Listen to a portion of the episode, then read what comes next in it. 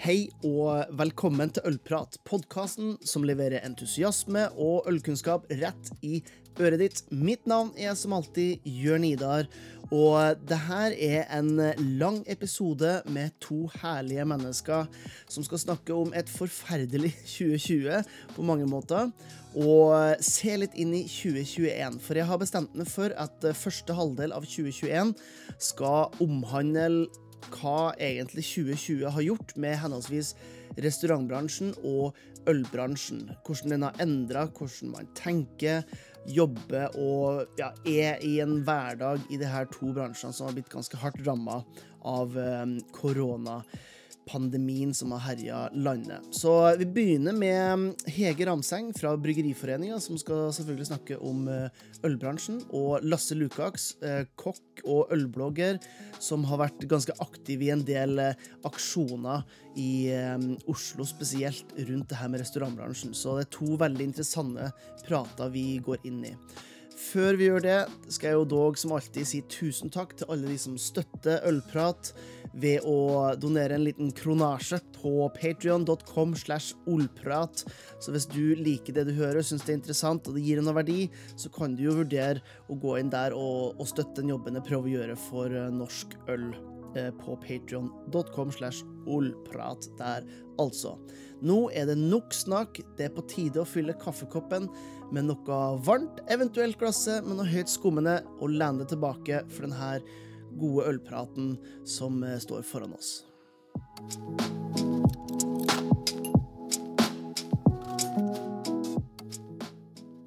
Da ønsker vi velkommen for andre gang eh, en av eh, Norges mest profilerte øldamer. En eh, meget hyggelig dame fra Mosjøen. Og det sier ikke bare fordi at kona mi er fra Mosjøen, men, men, hun er hyggelig. Mosjøen er hyggelig, og velkommen til Ølprat eh, igjen, Hege. Tusen Ramseng takk. fra Bryggeriforeninga. Ja. Eh, hvordan går det? Godt nyttår.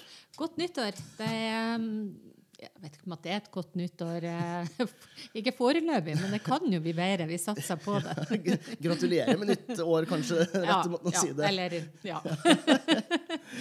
Ja, fordi det er jo det, mm, det, er jo det vi skal ta og, og snakke litt om i, i dag. Um, ølprat de neste seks måneder skal handle om uh, norske bryggerier, norske serveringssteder, som jo har blitt veldig ramma av uh, de restriksjonene som covid-19 har gitt på alle sammen. Og se litt på uh, hva det har betydd for bransjene, hva det betyr i dag, og hva bransjen fra innsida kanskje ser mot i tida som kommer fremover. Og da snakker vi ikke liksom de neste 14 dagene, men eh, det nesten halve året, året, to år, tre år i hele tatt. Så jeg setter veldig pris på at du tar litt tid, Hege, for du har jo en ordentlig sånn innsikt i, i bransjen. Kan du ikke bare gi en sånn, for de som ikke har hørt uh, den første podkasten med det, gi en liten sånn introduksjon til hvem du er, og hva, hva du jobber med?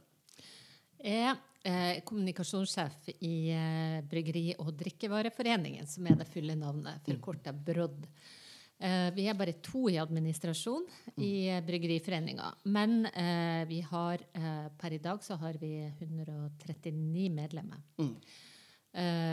vi har 120-årsjubileum i år. Eh, det vil si 9. november. Tror jeg er den stiftelsesdatoen for Bryggeriforeninga, som hadde skifta navn mange ganger opp gjennom historien. Eh, jeg har vært i Bryggeri- og drikkevareforeninga i snart ni år. Og eh, før det så jobba jeg i Arcus med vin og brennevin. Jeg har Ja. jobbet med informasjon hele tida.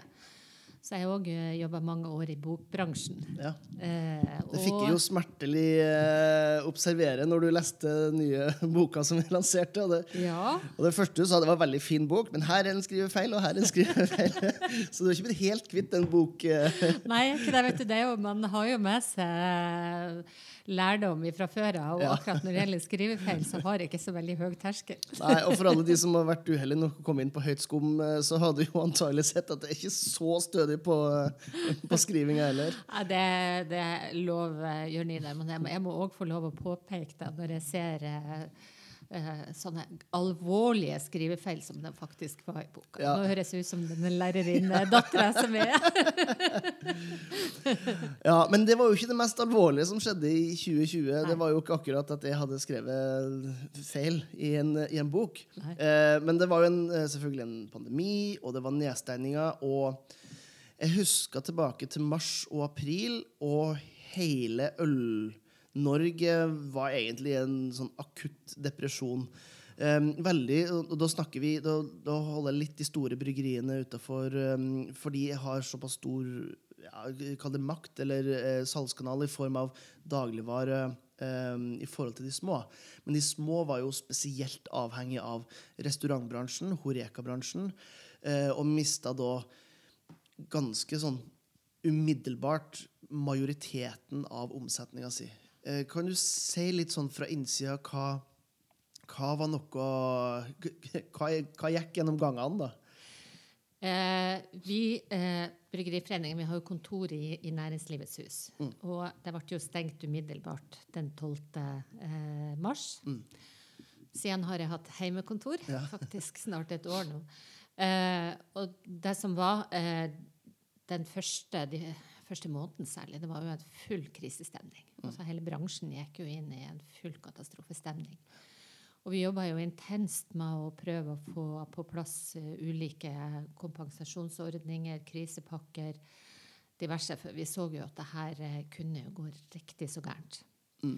Så det var jo, uh, hovedfokus var jo på å, å få til ordninger som kunne hjelpe bryggeriene. For mm. vi så jo det at veldig mange ut av av de bryggeriene som, som, Det er jo mange som, som har en del av omsetninga si på omvisninger, på besøk, på eh, at folk kommer innom. Sjøl om at de ikke har egen pub, så er det jo eh, veldig mange som har nettopp det med at de har eh, fra Growlerfield hver fredag til at de har eh, forskjellige gjester på besøk og omvisninger. Og Bedriftsevent og ja, ja. Eh, altså fra de små, bitte små, til, eh, til eh, de mellomstore har jo de her besøkende. Mm. Som de de har tjent en god del på. Og plutselig så ble jo det borte. Ja.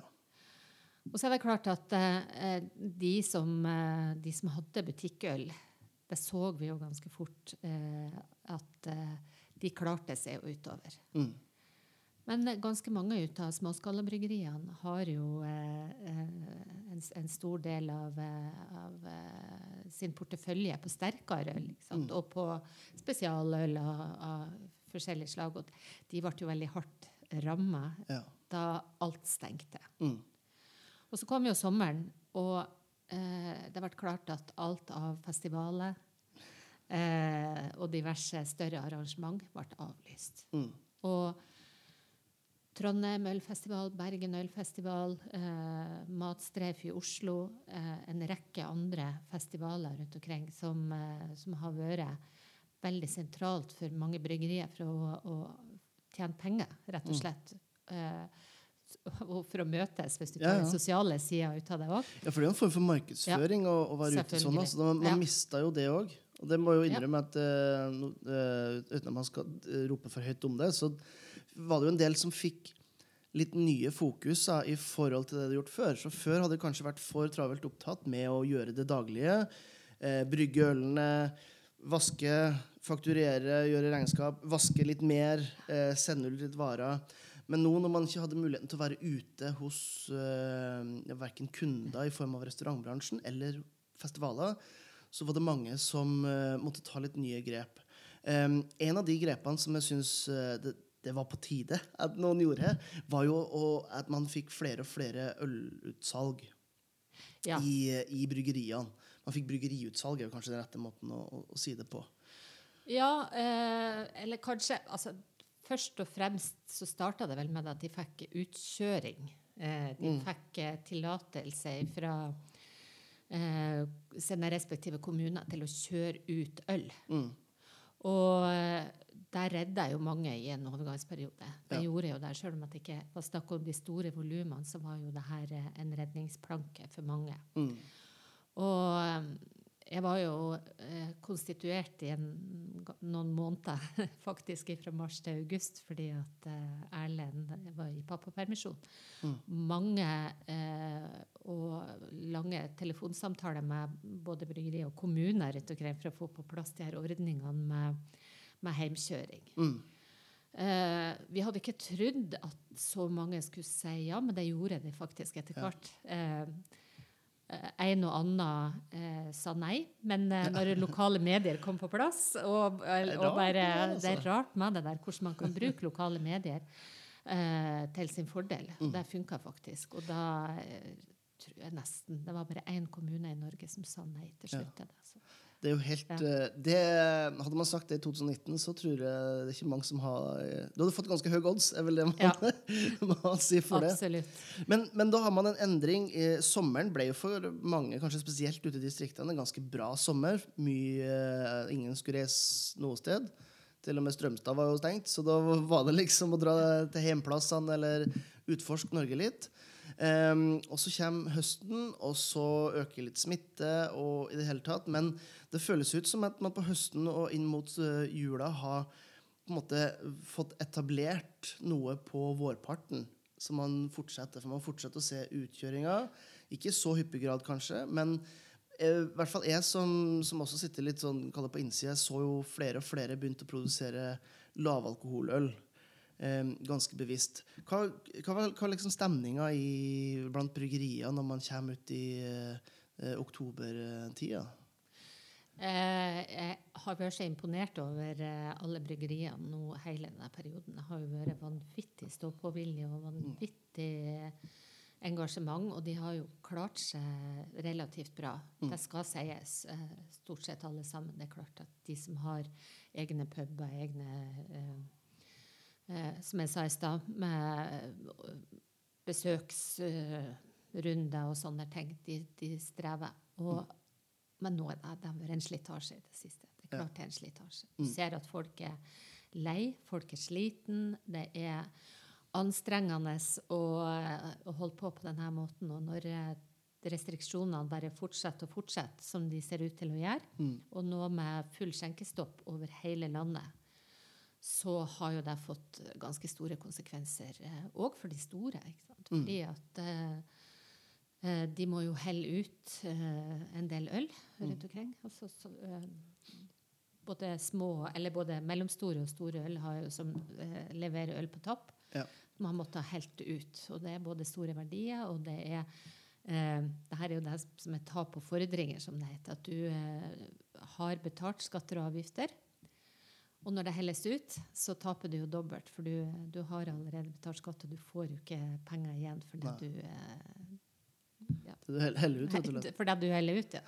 Nei, og det er jo en, det er jo en ting som Hvis man ikke er i det her i det daglige, man kanskje ikke tenker så veldig mye over. For man ser jo rapporter Hvis man tar de store, da. Store bryggeriene. Eh, Ringnes Hansa og Smack. ehm, så, så tenker man kanskje ikke så mye på at eh, det egentlig har veldig store daglige konsekvenser, selv om de rapporterer godt salg.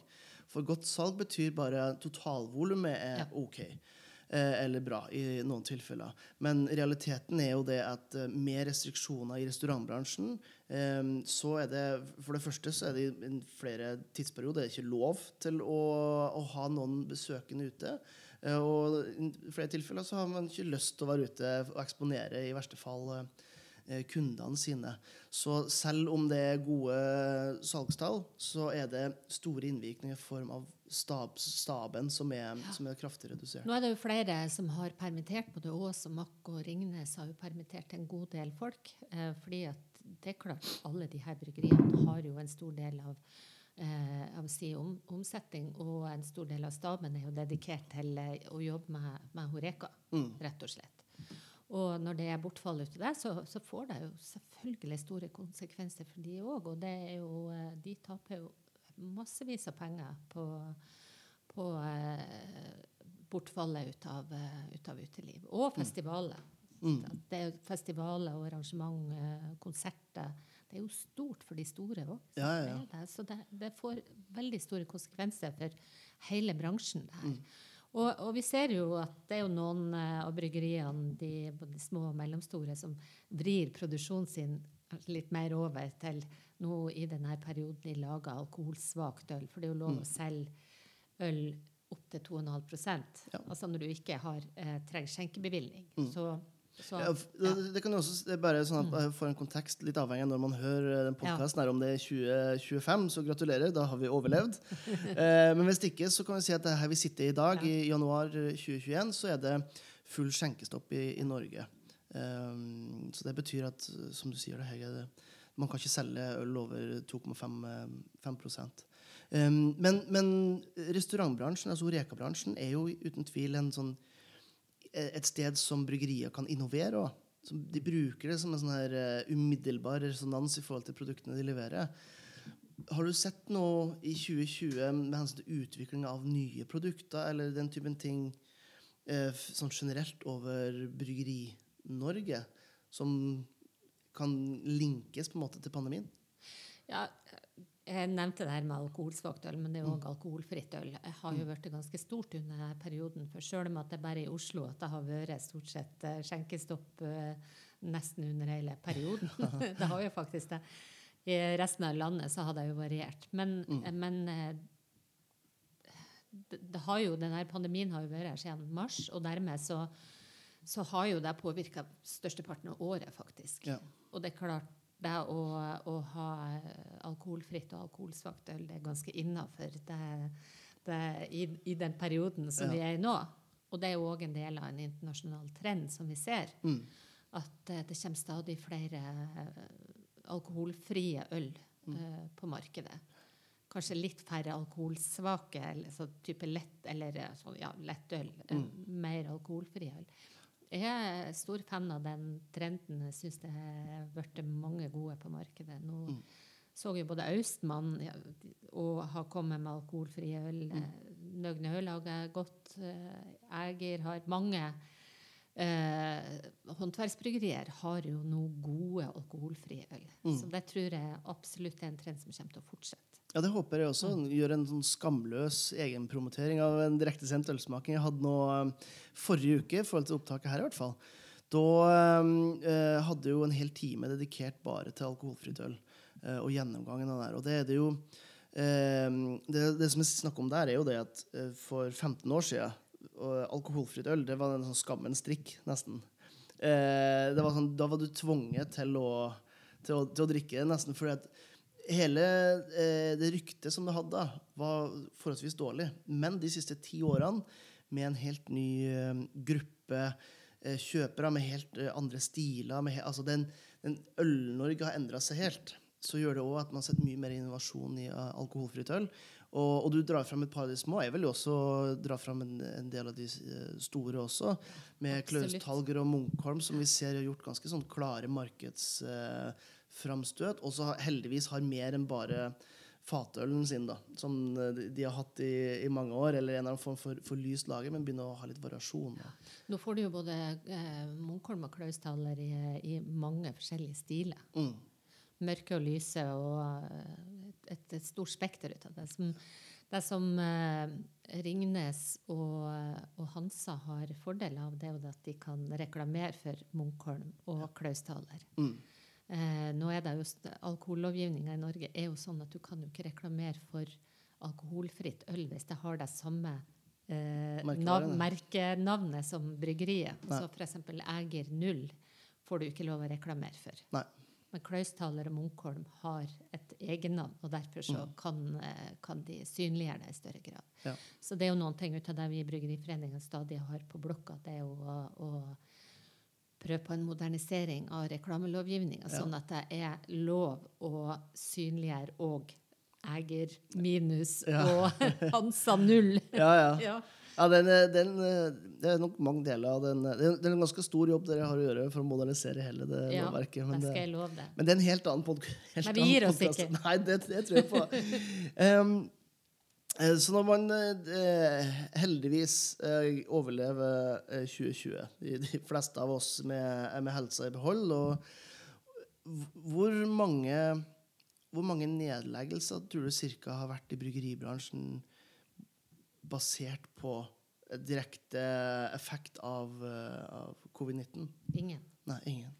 Eller eh, det kan jo hende at det er noen som ikke er medlem hos oss, men vi har tvert imot fått fire nye medlemmer de Ja. siste månedene. små eh, gårdsbryggerier, riktignok, eh, men vi har fått flere medlemmer. Og eh, vi har ikke hatt noen nedleggelse enda.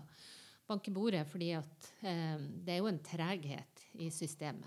Ja. Det er jo en treghet, for det har vært kompensasjonsordninger, og det har vært en god sommer. Eh, så jeg tenker at kanskje utover våren så eh, vil vi se noen, men jeg er ikke helt sikker på det, altså, rett og slett. Fordi at eh, de små de har en fordel ut av eh, eh, Det er mange som satser kun lokalt, Mm. og de gjør det godt eh, lokalt.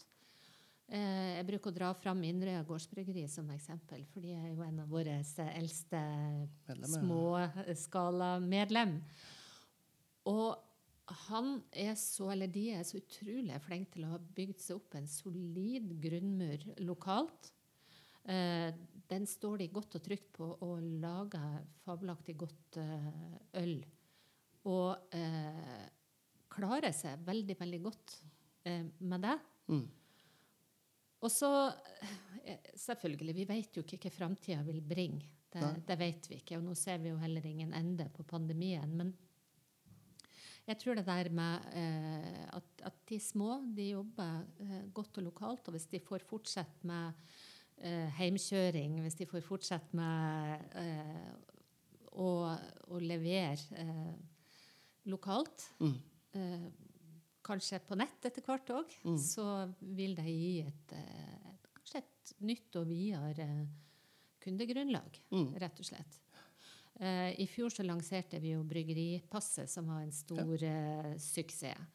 Det gikk ut flere tusen pass. Eh, folk som reiste rundt og fikk stempel i passet. Det var jo flere ut av de som vi fikk tilbake. Da. De kunne jo vinne et opphold på Flåmsbrygga. Ja. Så jeg fikk jo en del tilbake. Det var vel 45 som, som, som leverte pass som hadde over ti stempel i passet. Ja. Og var med i trekninga. Det var mange som hadde 1920 Ja, og enda flere stempel. Og det betyr jo at eh, det var mange som Var innom var bryggeriet. innom bryggeriet i sommer. Og det her eh, tror jeg er noe som er kommet for å bli. Mm. Eh, ølturisme. Ja. Øl- og matturisme.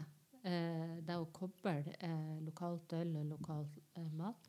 Så snart at vi får åpna opp Norge igjen, så, så tror jeg at det er mange muligheter som ligger i det. Med tilpasse ølturer, rett og slett. Ja, for hvis vi ser litt sånn Hvis man prøver å legge det verste i hermetegn bak oss, øh, og så se litt inn i de neste 6, 12, 24 månedene som ligger foran oss, så, så har du nevnt et par ting eh, allerede. Man ser, uh, man ser en sånn fortsatt utvikling av uh, bryggeriutsalg og hjemlevering. Eh, du nevner det her med at eh, det er jo en reell eh, eh, trussel for de som elsker det, at man ikke får lov til å dra til eh, Syden eh, den sommeren her heller, i 2021. Um, så det blir Norge en gang til, som er helt, helt fantastisk, om du spør uh, de fleste i Norge. Um, noen, noen andre ting som du ser kan skje liksom, i løpet av det neste året eller to, som en følge av det her harde 2020? Du nevnte også potensialet for noen konkurser også etter hvert, selvfølgelig, hvis det fortsetter med Ja, det er jo eh, det er jo så mange ting det er avhengig av. Det er jo hvor lenge utelivet blir stengt over hele Norge. Når er det det åpner opp? Eh, så det er, jo, det er jo vanskelig å spå. Mm. Eh, det er det. Men jeg tenker jo at eh, mange bryggerier, en del av de små og mellomstore, de driver jo òg og, og kanskje jobber mer med spesialbatcher, eh, spesialøl, fatlagra øl, som vi har sett eh, veldig tydelig lenge nå, som jeg personlig syns er veldig spennende. Ja. Jeg elsker jo eh, fat. Det Mm. syns jeg er noe av det artigste som er.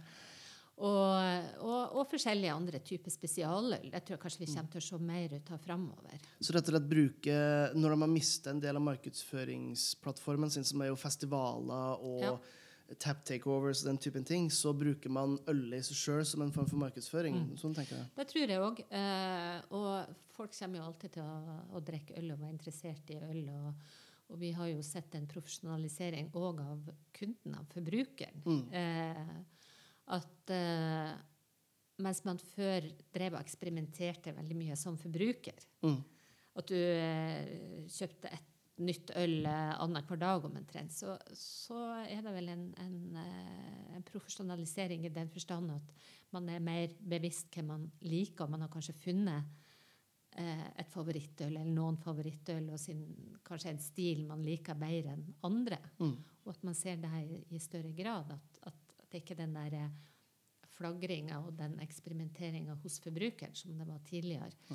Men eh, da tenker jeg også at det er mange bryggerier som kanskje utvikler noen sånn grunnfjell på, på en måte som de har å stå på. ikke sant? Eh, Eger har jo alltid hatt sin IPA, Nøgnø har Skjennaøl, som, som, som er sånne steiere. Mm. Og så har du de som, eh, som gir en inntjening. Og så eksperimenterer du kanskje som bryggeri utover det med artige ting. Med Mm. spesialbatcher, med nye stiler, eller nye versjoner av gamle stiler osv. Mm. Mm. Ja, det, jeg må jo si En av de tingene som jeg håper vi får se enda mer av i de årene som kommer nå, er jo mer norske råvarer i, Mm. i det også. Altså, man kan jo si hva man vil om nordmenn. Vi er jo ekstremt navlebeskuende, og vi elsker jo alt som er norskt. Og jo mer norskt, jo bedre. Um, men akkurat det her med, med en sånn her en genuin diskusjon om hva et norskt øl er, Ja. den føler vi ikke har vært helt moden for. Men nå med at man har Kveik, selvfølgelig, som kom inn for en del år siden, som ble syndiggjort, og noe som er norsk malt, så tror jeg vi går en, en spennende diskusjon og, og utvikling i, i møte de neste årene. Det er så enig og det her er jo noen ting som jeg har vært opptatt av i mange år. For at eh, vi eh, samarbeider jo mange bryggerier. Det var vel 19 bryggerier som var med på dette prosjek prosjektet 'Smaken av norsk øl' Mm. med Bioforsk eh, ute på Ås, som nå heter NMBU.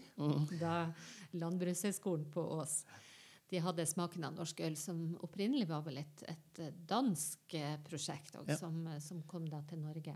Og eh, hvor de hadde forskjellige prøvefelt rundt omkring i Norge, hvor de både testa ut eh, gamle byggtyper for å hente fram eh, eh, noen typer som egner seg for, eh, for eh, ølbrygging. Og, og, men òg humle.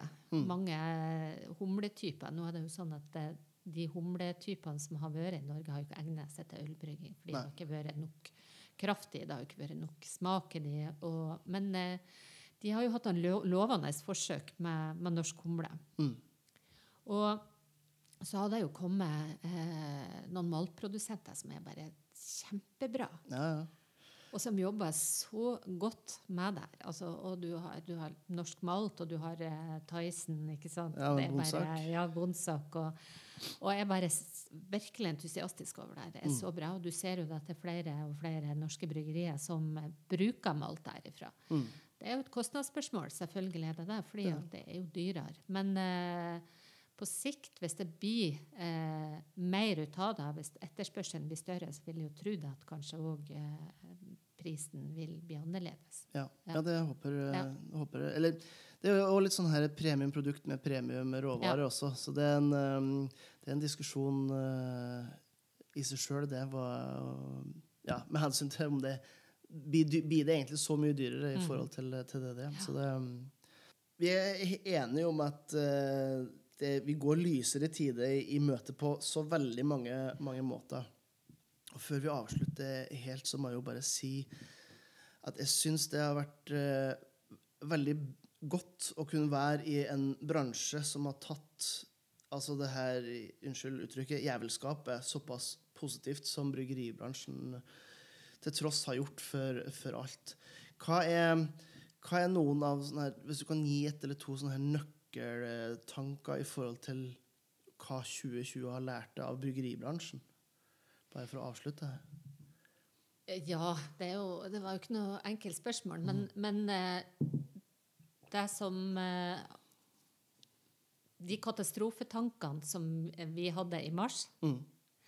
eh, at det viste seg såpass raskt at eh, det ble gjort til skamme. Mm. At bryggeribransjen eh, har klart å snuse rundt.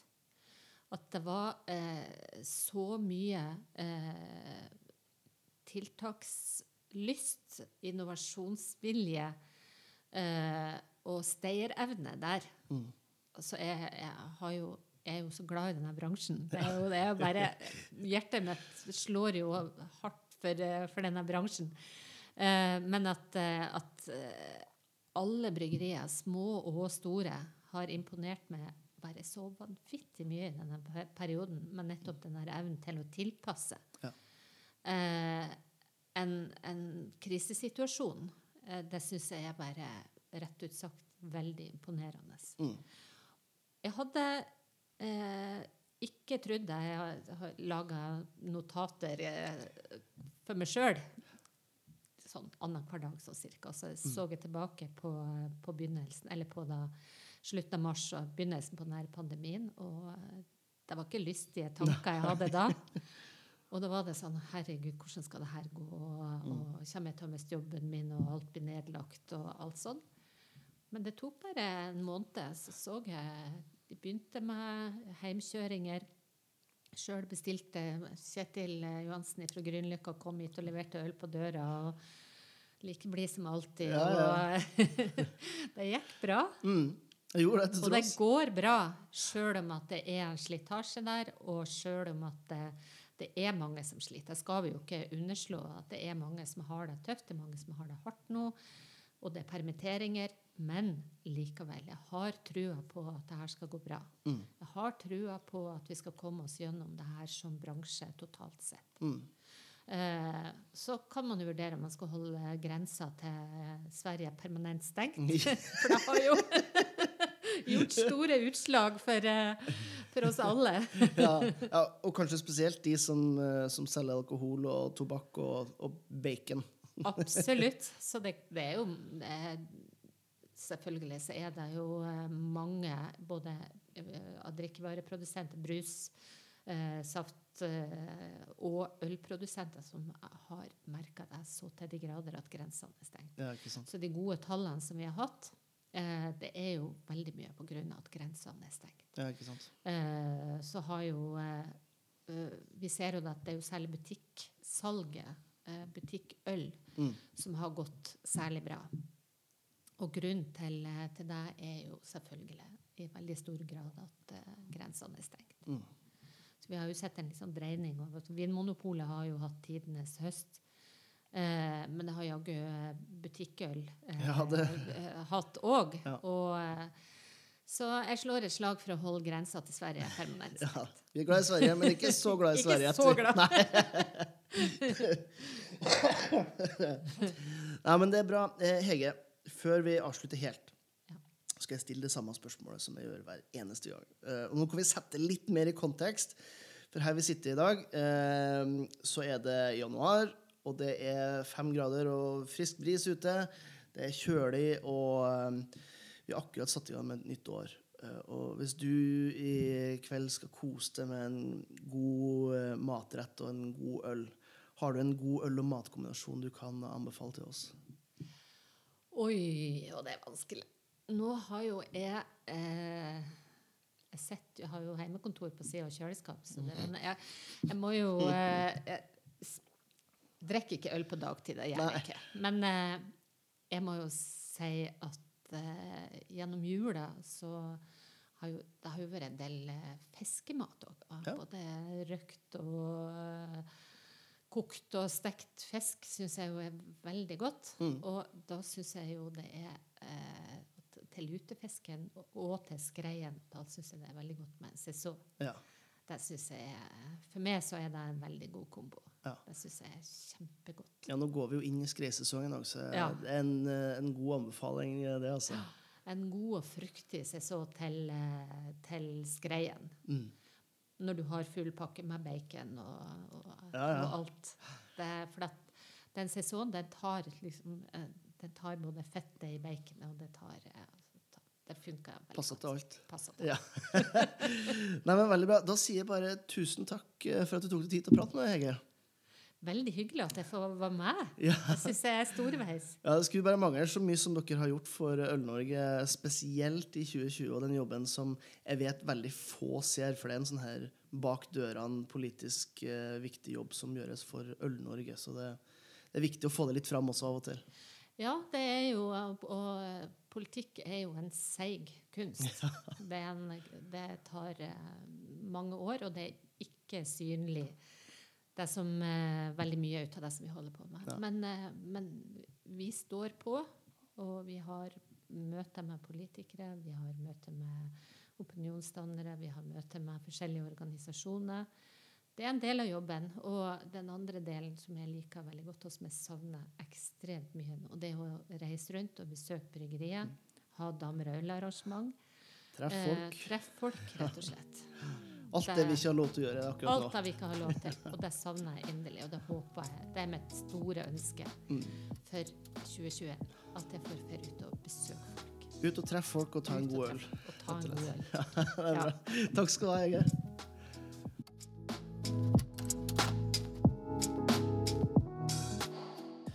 Da ønsker vi velkommen til eh, Ølprat nok en gjenganger. Eh, her, eh, Sist gang så snakker vi om eh, hyggelige ting som festival og mat og i hele tatt. Nå er det litt eh, dystrere ting for eh, denne eh, restaurantaktivisten Lasse Lukaks, også kjent som mannen som drakk øl hver eneste dag siden lockdown. Velkommen tilbake til Ølprat, Lasse. Takk skal du ha.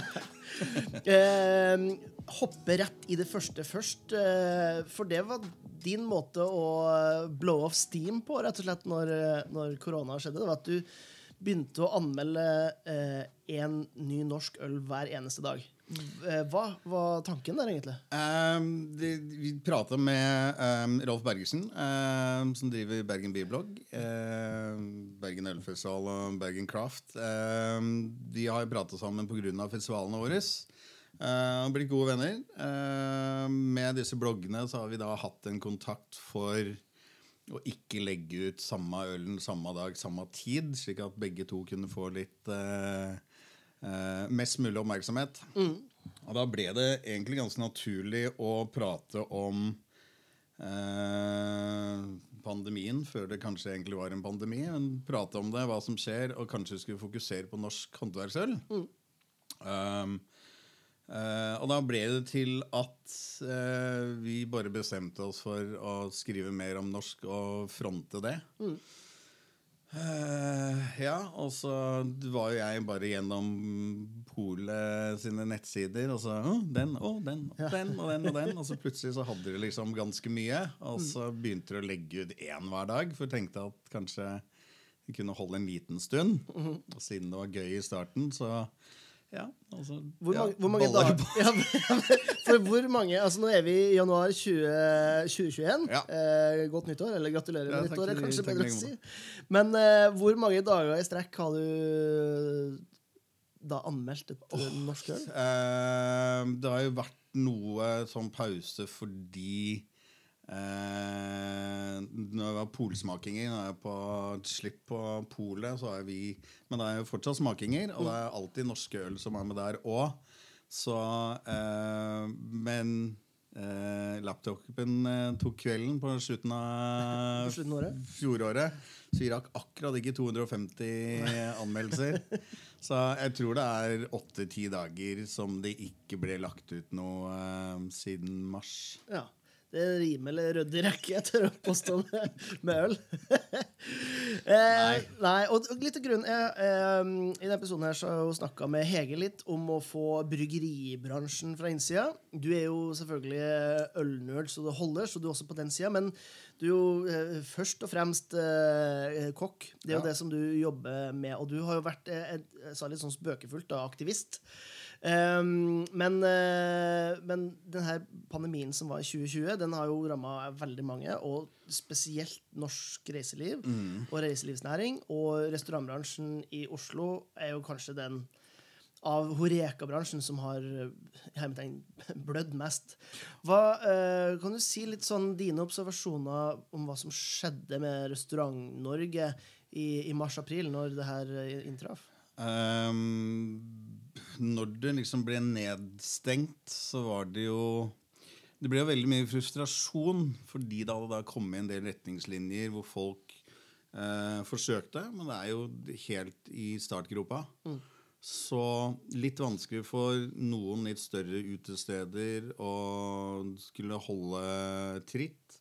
andre steder eh, En av mine eh, lokalbuler på Bohemen. Der gikk jo liksom eh, Kjell rundt med en meter lang stokk og de rett og slett dytta på folk. Sånn, ja, men dette er en meter, gutta.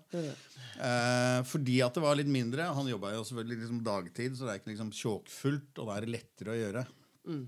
Og så har du da eh, mellomrommet mellom åssen skal Åssen skal jeg, som jobber i en bar, vite om du er sammen med den dama, den mannen, hun dama er sammen med den dama, når de kommer inn? Åssen skal vi vite om de er samboere eller ei? Åssen skal vi vite om de er et par eller bor i samme bopel sammen med de fem andre som kom inn?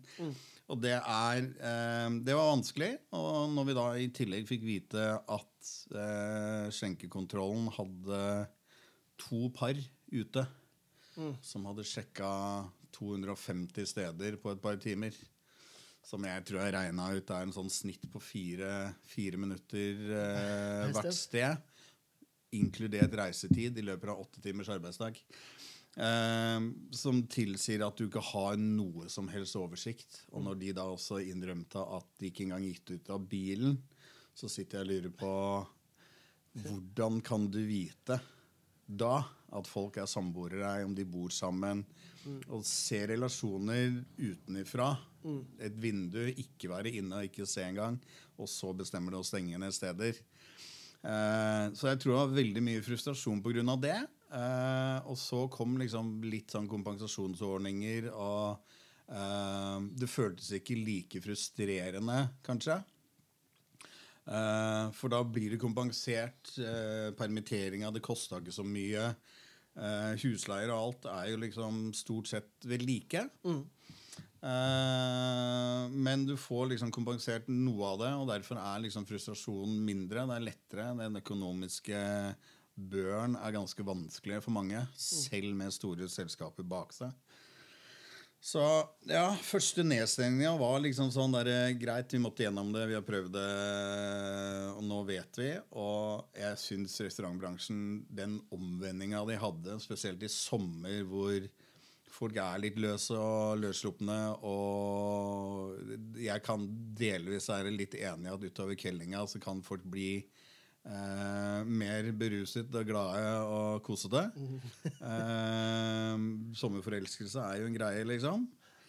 Men hvordan de greide å omstille seg, ha folk i arbeid, riktig antall, eh, bordserveringer, komme med apper, måter å bestille på, måter å registrere på. Eh, ja, Syns jeg er helt, helt fantastisk eh, serveringsbransjen eh, gjorde. Ja. Og det har jeg sett over liksom hele landet. Så har det vært, det har vært en incident her og en incident der, liksom, men det har ikke vært noen store utbrudd fra noen utesteder. Er, ja. Det- I Oslo så er det 1200 aleine.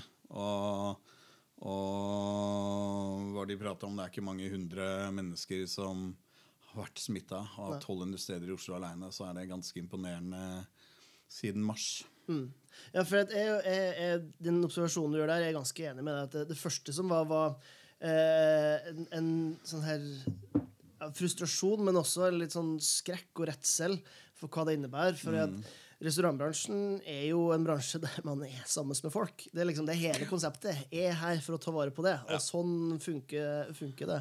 Og når man ikke kan være med folk eh, på vanlig måte, så blir det selvfølgelig vanskelig. Um, og så er det som du sier, da, så gikk det over til våren, og til sommeren så var det jo ingen som dro til noe sted annet enn Norge. Og ut og utforske sin egen bakgård. Oslo var jo helt dødt, så det var jo helt uh, nydelig for oss som var igjen her. Og ikke en kjeft å gå på noe sted. Ja, Um, og, og så kommer man inn mot høsten, og så merker man at Det var ikke lov til å være der. Det var Nei. det som var Nei, det, det er akkurat det som er. No, og noen av de tingene Jeg husker jeg gikk på um, Jeg hadde en date med kona på Hostea, som er et uh, meget gammelt og verdig sted her i, i Oslo. Fantastisk koselig liten uh, restaurant. Ja. Og jeg husker jeg kom inn, kom inn der, uh, og så var hver bås avskilt med pleksiglass. Det var første gangen jeg så det. tenkte bare uh, Det her kom jævla raskt opp. Ja. For den, det, og det gjelder egentlig ølbransjen også, føler jeg. at det å finne løsninger Det er, liksom, det, det er få bransjer i verden som er så flinke på å finne løsninger som uh, restaurantbransjen. Og sommeren kom. eh, Stor suksess, spesielt ute i distriktene. Og så kommer høsten uh, igjen.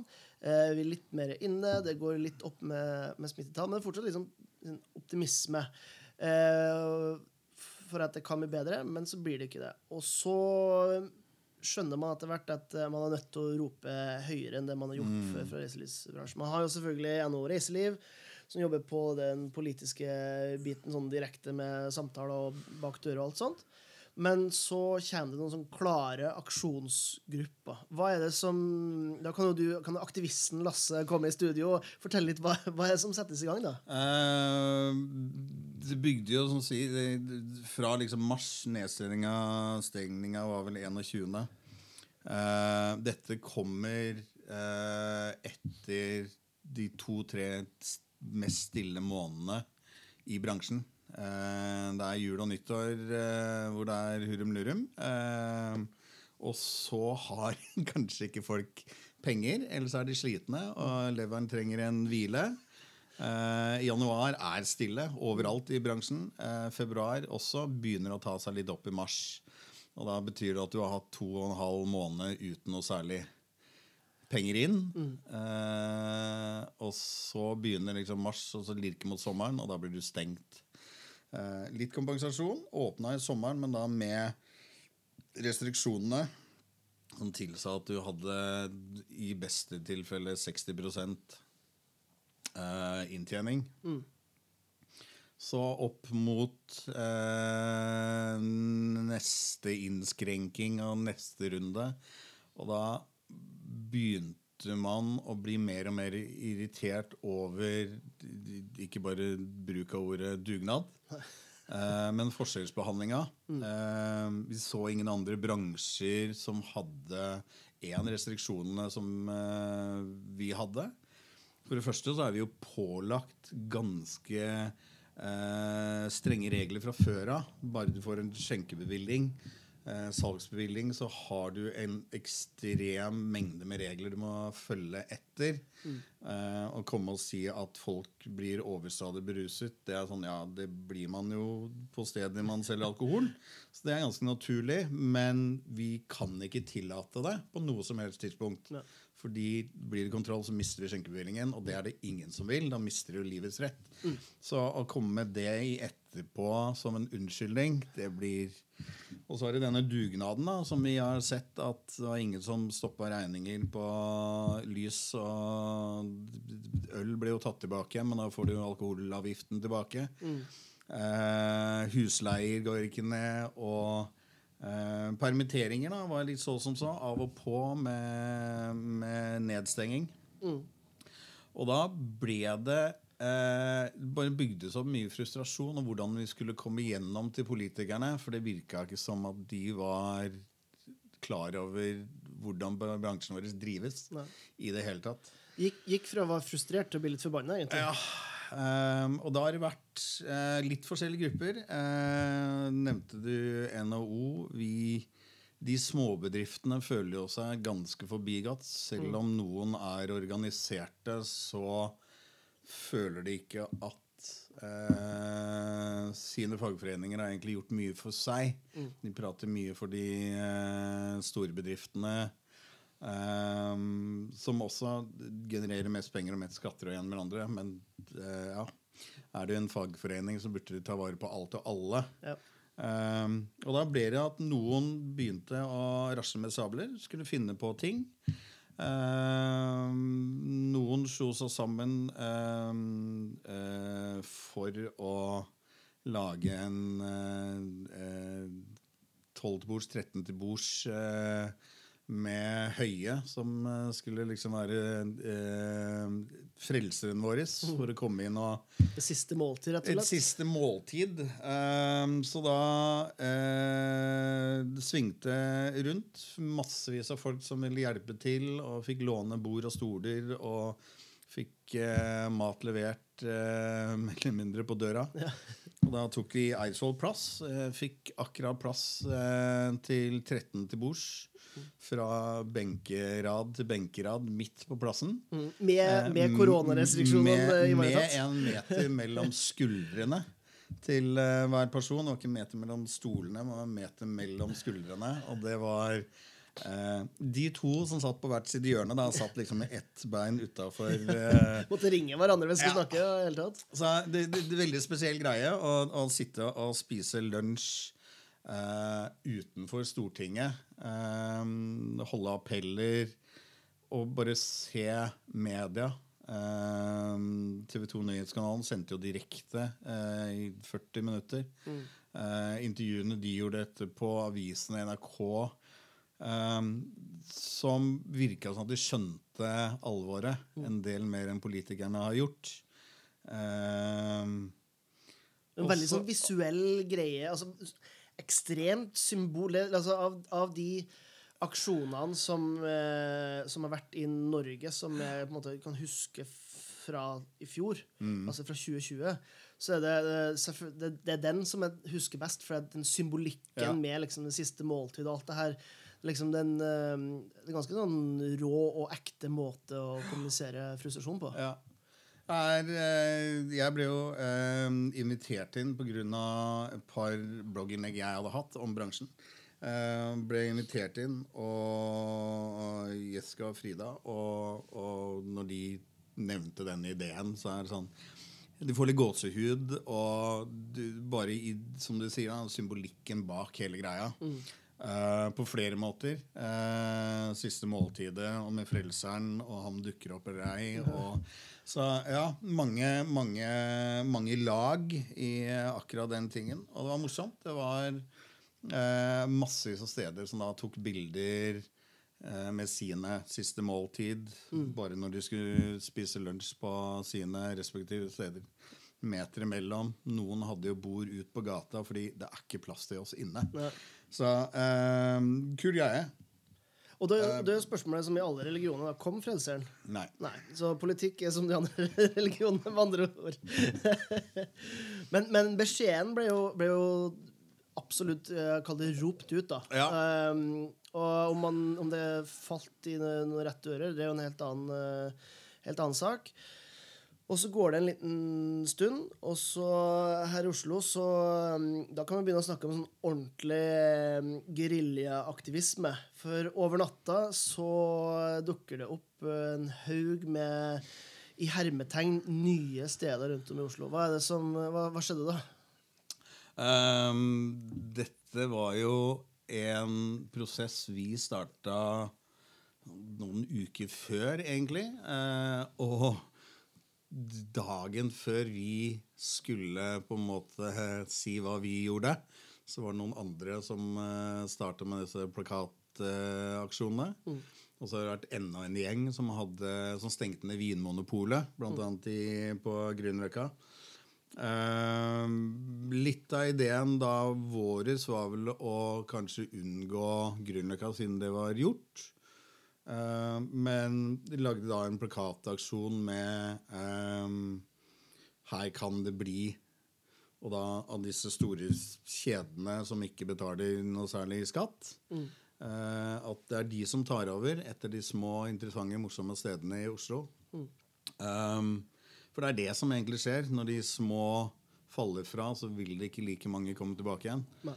Um, eh, Men så det- så vi får liksom ansiktsløse, sjelløse steder som hver eneste storby, hver eneste gågate, kjøpegate har samme butikkene som du drar til London eller Paris eller eh, Berlin eller Oslo. Så er handlegata klinikk. for Akkurat de samme butikkene, akkurat samme maten, akkurat samme drikken du får overalt fra de akkurat de samme butikkene. Og det er bare gørr kjedelig. Ja. Ja, det dere er liksom en av tingene med Oslo som er så unikt.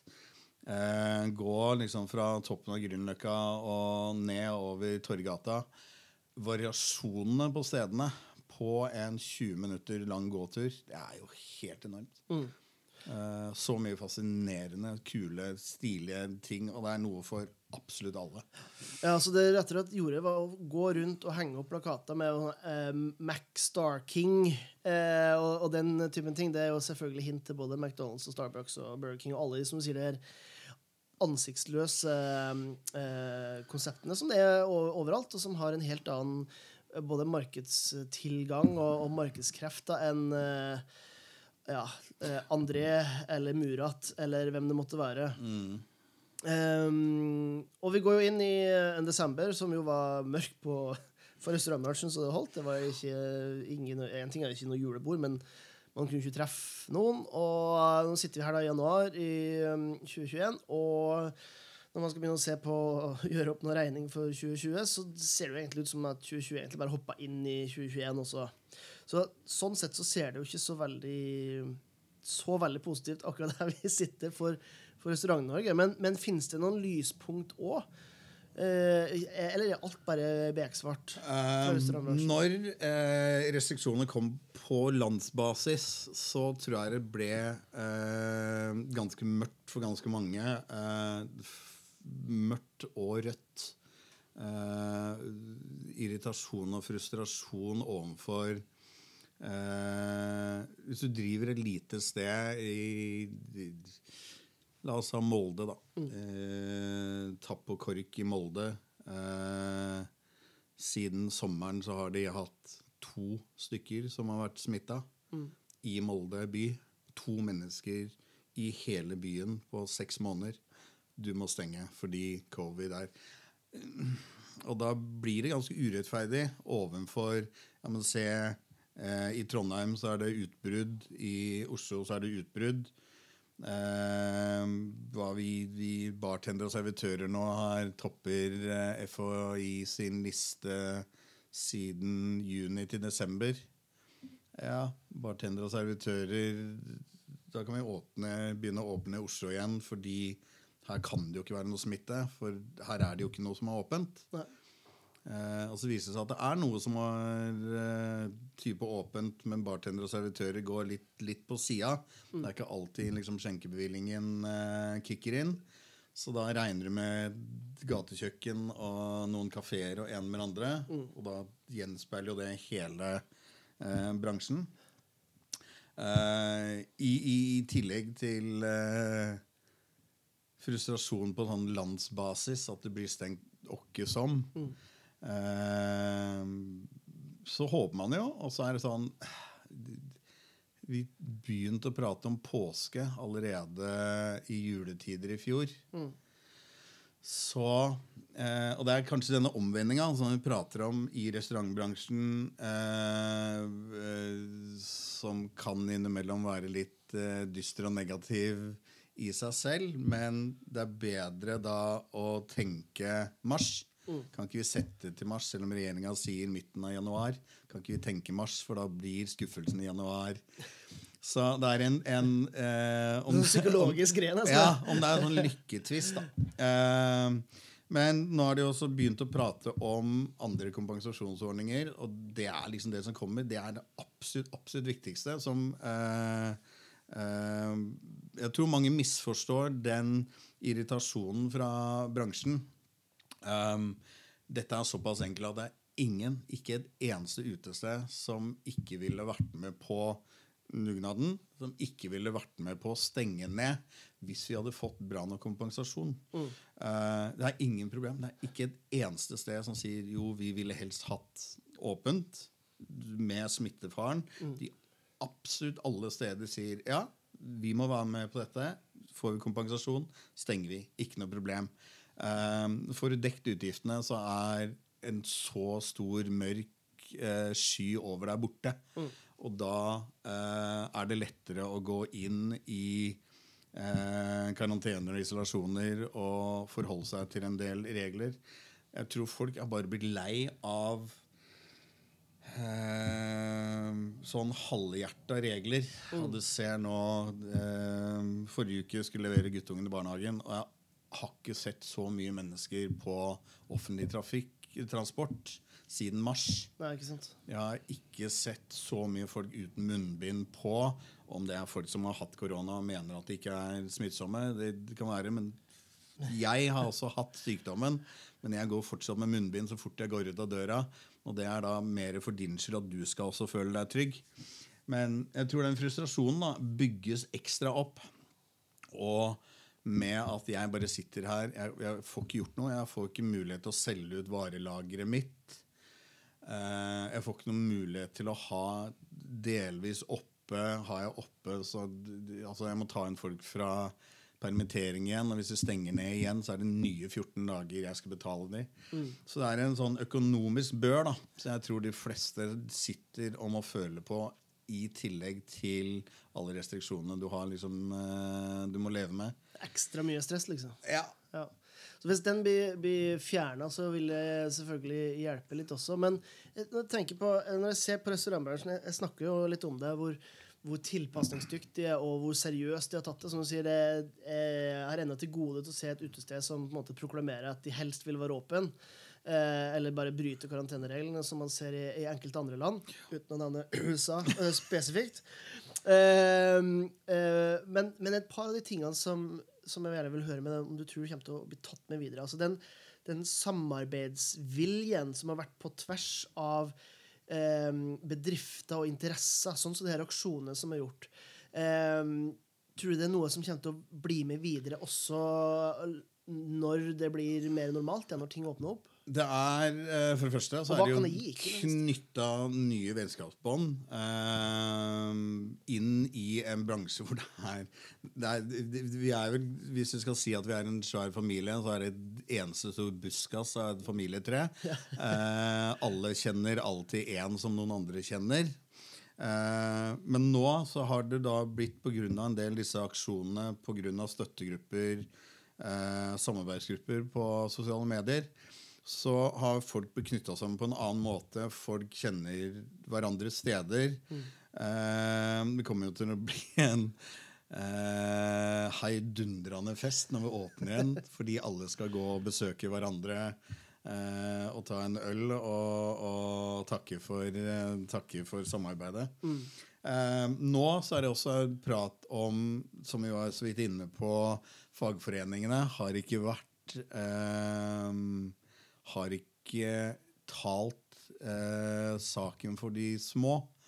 Eh, og det er eh, gjengs trykk over hele. Det er ingen som føler at de som ikke er i fagforeningen, får jo selvfølgelig lite tilbakemeldinger, men de som er eh, eh, medlemmer, føler heller ikke at de blir jobba for. Nei. Ser ikke så mye verdien i det. kanskje. Nei, det. og det er heller de som er eh, fagforeningsmedlemmer eh, i større bedrifter, kan si sånn Jo, jo, nei, vi har fått litt tilbake igjen. Eh, så det er vel en prat om eh, om ikke lage en egen fagforening eh, for bransjen. eh, om da det blir hotell og restaurant, Horeka, eller eh, om det bare blir utelivet. Eller om man skal finne en interesseorganisasjon uh, og danne det og kunne sitte ved bordet for de små uh, og ha, ha talere til Kunne ta den telefonen til den statsråden som kan hjelpe, som visse andre kan. Ja. Eh, så det, det jobbes jo med det, og det ser jeg bare som en positiv greie. Og det ville jo Eh, kanskje ikke komme hadde det ikke vært for at man er tvinget i en sånn situasjon som man er. da. Nei, ikke i det hele tatt. Fordi altså, det, det var ganske tungrodd i starten. Ehm, det var jo selvfølgelig noen som ville aksjonere eh, mars eh, gjennom sommeren. Og det var egentlig litt tungrodd den første biten med eh, Last Supper-tingen. Eh, og så eh, What We Deserve kom uh, Var det flere? Mange plutselig som dukka opp på, på en, en demonstrasjon. Eh, Skal skru av Eh, ja, som var med på en demonstrasjon. eh, som igjen, da Det er liksom serveringsbransjen i sitt ess med Eh, hei, dere er fem fra mitt arbeidssted. Jeg kan egentlig ikke Det var sånn at man ikke gikk Vi hilste på en god meters avstand. Og dette er kollegaene dine. Vi har jobbet sammen tidligere i uken. Ja, men vi holder avstand. Og en demonstrasjon da, hvor folk er spredd utover og eh, Ja, venner og kjente som Hei, hopp, men du er sammen med en gjeng. Eh, og det er ganske imponerende å se. da. Ja, det- det er bare en sånn omstilling som de har, hvor eh, Som han sier, de, de, de går Torgata etterpå og ser butikker og en smågodt eh, butikk hvor folk står oppå hverandre og bruker samme skjea og står og smaker og, og tenker her er det ingen som bryr seg. Og så er det liksom dagligvarebutikken etterpå, gå på en, en blomsterbutikk, en kaffesjappe, og så er det ingen som egentlig bryr seg. Ja, det er ikke noen variasjon i det. Men det, det tenker jo, altså, jo lengre det, det trekker ut, jo mer sveises kanskje de små sammen. Så en av de tingene som kanskje har kommet ut av det, er jo det faktum at før så var det en del, som, eh, en del utesteder som klart uttrykte hva de syns om eh, eh, store konserner. Mm. Men det var veldig få. Men nå er, sånn som jeg opplever det, er flere nå som er klar over at eh, det er de store, og så er det alle andre. Og det er kanskje det man kommer til å få se mer av i, i, i ja, året og Ja, årene framover, altså neste 6-12-24 månedene, med at det får mer samarbeid, som du sier, for at man er mer bevisst på at eh, eh, Jeg skal være forsiktig med å splitte og herske, men det er liksom det er dem mot oss-følelsen.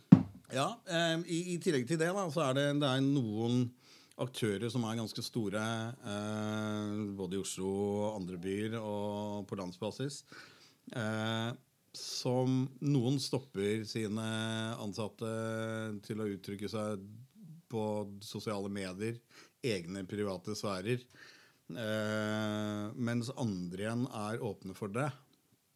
Eh, har den solidariteten med sine ansatte, frustrasjonen, hvordan det, og, og det er egentlig eierne som blør.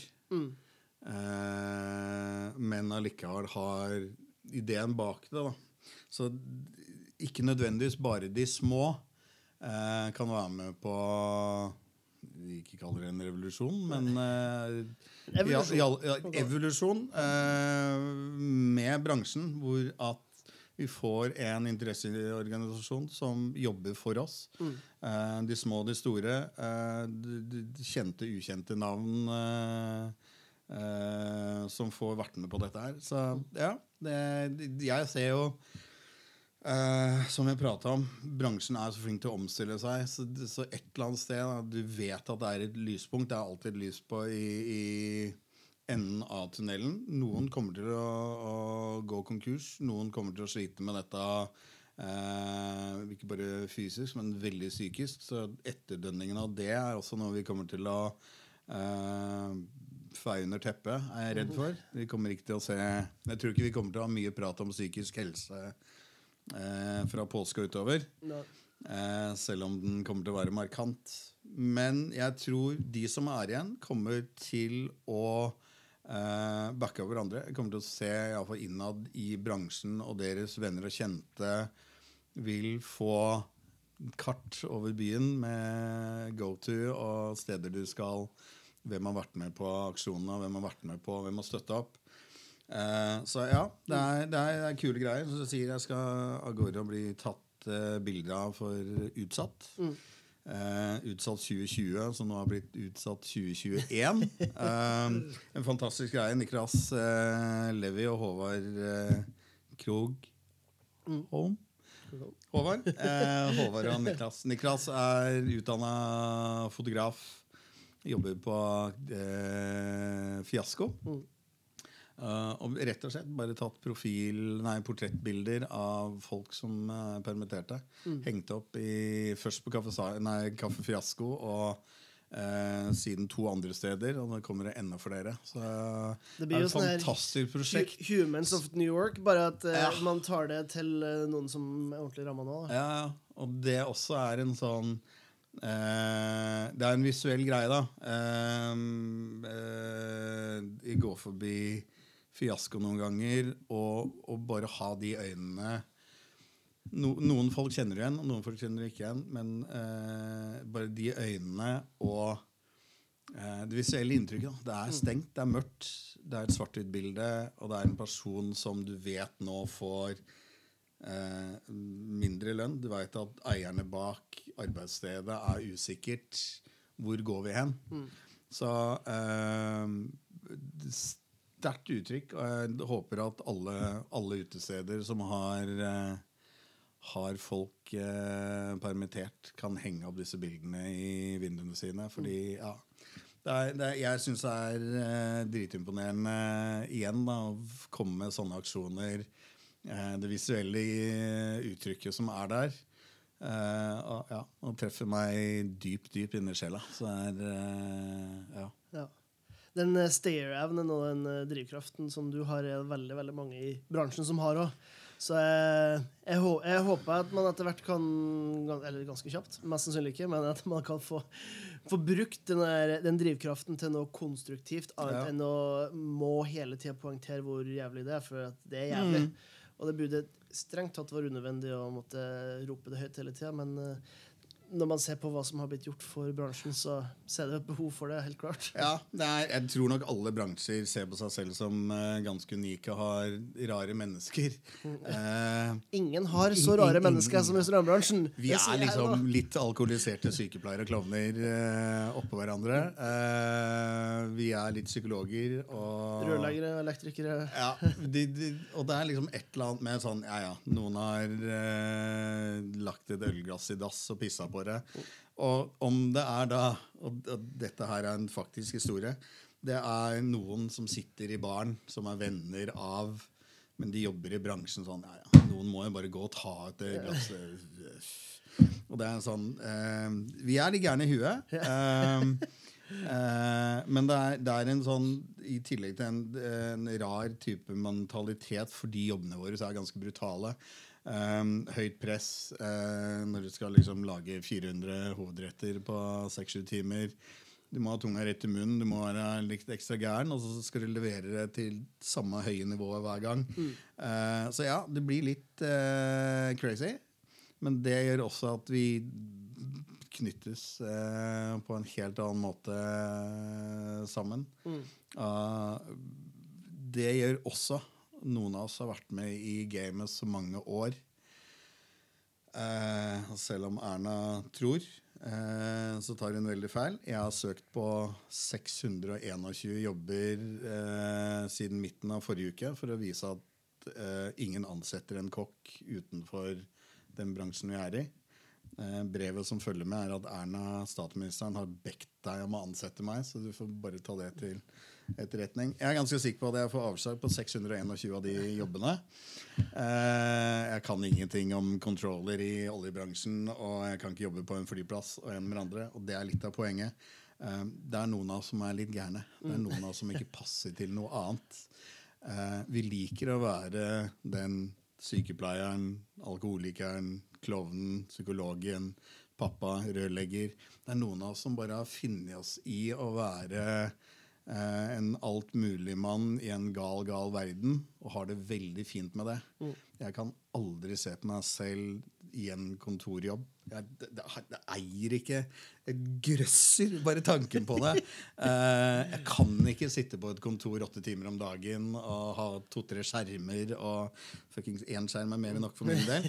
Eh, men det er liksom noe med det Jeg veit ikke om jeg hadde orka å jobbe på eh, Plantasjen, eh, kaffesjappe, så hadde jeg nok blitt pælma ut eh, etter å kaste kaffe etter folk. Men det er liksom noen ting, da. Jeg kunne ikke ha vært sykepleier og ikke rørlegger Du, og har du ikke gjør det du er ment å gjøre.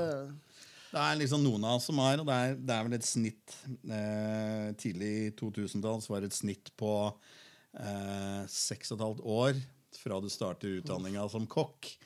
Til, og, og snittet er seks og et halvt. Eh, alt jeg kjenner, har holdt på i liksom 20 år. Så det liksom tilsier Det er ganske mange som faller ifra. Ja. Ja, Fordi at det er en- selv inkludert. Men det er en tøff bransje, og det er et eller annet, men så ligger det noe igjen, da, som du også vet, for du er glad i å lage mat, og du pø pøser ut bøker. Men du hiver jo ut en del eh, bøker, eh, og selv om øl er litt fokus, så er det kjærlighet til mat som ligger er bak der òg. Og det er min ølinteresse òg. Den kommer jo av maten. Den kommer jo fra den er interessert i mat. Jeg dro jo på ølfest, nei, matfestivaler hvor det var litt øl. Eh, det var alltid gøy å dra på matfestivaler, for da var det en grei sjanse for å bli full. Eh, og så etter hvert så var det mer gøy å eh, prøve å ikke bli full. Men å smake Men da å være på en øl- og vinfestival, som er ganske Ja, så det er, det, er, det er en rar greie, men da bare for å smake og få de inntrykkene. Så ja. Eh, men der igjen, da. Som sagt, jeg fikk litt eh, fikk, fikk ikke kjeft. Fikk eh, påpeke i går for at det er så mye rare, rare ting som dukker opp i disse anmeldelsene. Og det er sånn eh, Ja, fordi hodene våre fungerer litt annerledes. ja, så, lenge Du- du har- så lenge det ikke er noe badeball, så går det greit. Nei, men det er, det er liksom det da Gjennom alle år, alle, alle restauranter og stiler man har jobba med, og Michelin-stjerner og ene med andre som man liksom har hatt, eh, så har du Du har stort sett smakt på alt. Eh, og ja, vi har smakt på en del av de tingene vi, du tenker på at vi kanskje har smakt på. Vi har liksom smakt på alt. Eh, vi syns det er litt sånn småfrekt når de fineste kokkene sier 'jeg har ikke smakt Grandis'. Ja, men smak Grandis, bare for å vite hva det smaker. Det, det, det er bortkasta 40 kroner. Eh, jeg vet ikke hva en Grandis koster. Koster det 40 kroner? Jeg har ikke peiling. Null peiling. um, Uh, ja, så det er liksom bortkasta 40-60 kroner. men eh, får men, men du får en eller annen referanse. Ehm, og den eh, jeg, jeg kjenner fortsatt av paprikaen. Jeg kjenner hva varm Jarlsberg på en måte smaker og gjør. Det vet jeg. Og så har jeg elementer av det. eh, hvor eh, Martin Tønne Smith i uh, Vinmonopolet eh, sender en melding en dag sånn Har du lagt merke til sånn, sånn gammel grillkrydder når du drikker øl fra det ene bryggeriet? Og så er det sånn Må finne ut hva det er for noe. inn i ølskapet, og så er det liksom øh, hm, Faen, jeg skjønner hva du mener, men hva er dette? Og så, og så begynner du sånn, og så må du gå igjennom sånn Hva er eh, Hva er det i grillkrydderet? Hva er det i ølen? Eh, også, Så har du det gående. jo, og så er det 700 kroner før du da liksom har funnet ut at det er en, en mellomting mellom eh, røkt paprika, oregano og eh, aromatkrydder. Og det er sånn «Hæ? Ja. Hvorfor vet du det, Lasse? Og så sitter du og skammer deg litt, og så går du videre om dagen. Og sånne gærninger kan ikke sitte bak en skjerm. Helt umulig. Før vi avslutter ølpraten her, Lasse, så jeg har stilt det spørsmålet her før, så vi kan sette det litt mer i kontekst eh, med hensyn til at uh, det er kaldt ute. Det er faktisk snø, til og med her i Oslo sentrum. Mer snø her enn det er hjemme på Helgeland. Det er jo litt fascinerende. Eh, og det er januar, og du skal lage noe skikkelig digg å spise, og en digg øl til. Hva, hva hadde du laga i, i kveld til deg sjøl? Eh, det som skjer i morgen, eh, er at det blir enten storflis, eller så blir det lammeskank. Eh, skal ned på, på kjøttbutikken på Gunerius etterpå. Eh, se hva de har for noe. Storflis er, er en karmad flamant. Eh, en kjøttgryte med hovedsak øl og sjokolade i sausbasen. Eh, og så kan de lagre med eh, noe kjeks. Eh, Spekkuloskjeks som du smører inn med sennep. Og så legger du det oppå når du baker i ovnen. Eh, ja, jeg veit det. ja, jeg er fullt klar over det. Eh, men eh, der blir det belgisk, og der ringer det troligvis Blåskjemei, som Bernadus Bernardus, Aptoll eh, Kanskje en Rochefort eh, til dessert. Ølet, ikke ost. Ja. Jeg, jeg har samme forholdet til mugg på alle mulige måter. Eh, Mugg i mat er, Mugg oppå øl er greit, for det blir liksom tatt bort. Men mugg i mat, det er bare gærent. Så jeg greier ikke muggost i det hele tatt. Ja, men da har du i hvert fall en plan på, på maten, da. Ja. Du sitter og sikler. Ja, ja, ja. Helt svett i hendene. Er du klar? Ja, det er bra. Eh, Lasse, jeg vil bare si tusen takk for praten. Eh, hele 2020 har på en måte mint med hvor stolt jeg er av å ha vært kokk. Altså, jeg har på en måte trukket ut Jeg, jeg er ikke kokk. Det er ikke Jeg, jeg har har- litt gæren. Jeg har litt mye gæren, men eh, ikke på kjøkken så ofte nå lenger. Så, så takk for eh, det du og resten av restaurantbransjen har visst at det er mulig. I 2020 i hvert fall. Takk for å bli invitert. Eh, vi, skal, eh, vi skal fortsette å kjempe. Eh, vi står fortsatt på barrikadene. Så Og så er det bare å, å søke opp Lasse på Facebook hvis dere har lyst til å følge de neste 247 norske ølene han skal smake seg gjennom i 2021. Så ser han det blir 300 i år. Ja, takk for praten, Lasse. Takk skal du ha.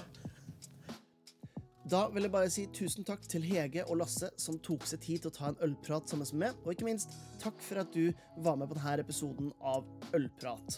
Ehm, jeg hadde satt veldig stor pris på om du gir det her eh, en liten review. Gjerne abonner, fordi at eh, det hjelper algoritmen å skjønne at eh, her er det ølprat som skal ut til folket, og det vil eksponere flere til det her gospelet jeg prøver å få ut til folk. Hvis du eh, har lyst på mer inspirasjon og kunnskap og entusiasme helt tatt, eh, søk opp Bjørn Idar på Facebook eller på Instagram, og selvfølgelig masse gode artikler på høytskum.no. Da gjenstår det bare for meg å si eh, takk for denne gangen, og så får du huske til neste gang vi høres, at livet er for kort for å drikke dårlig øl.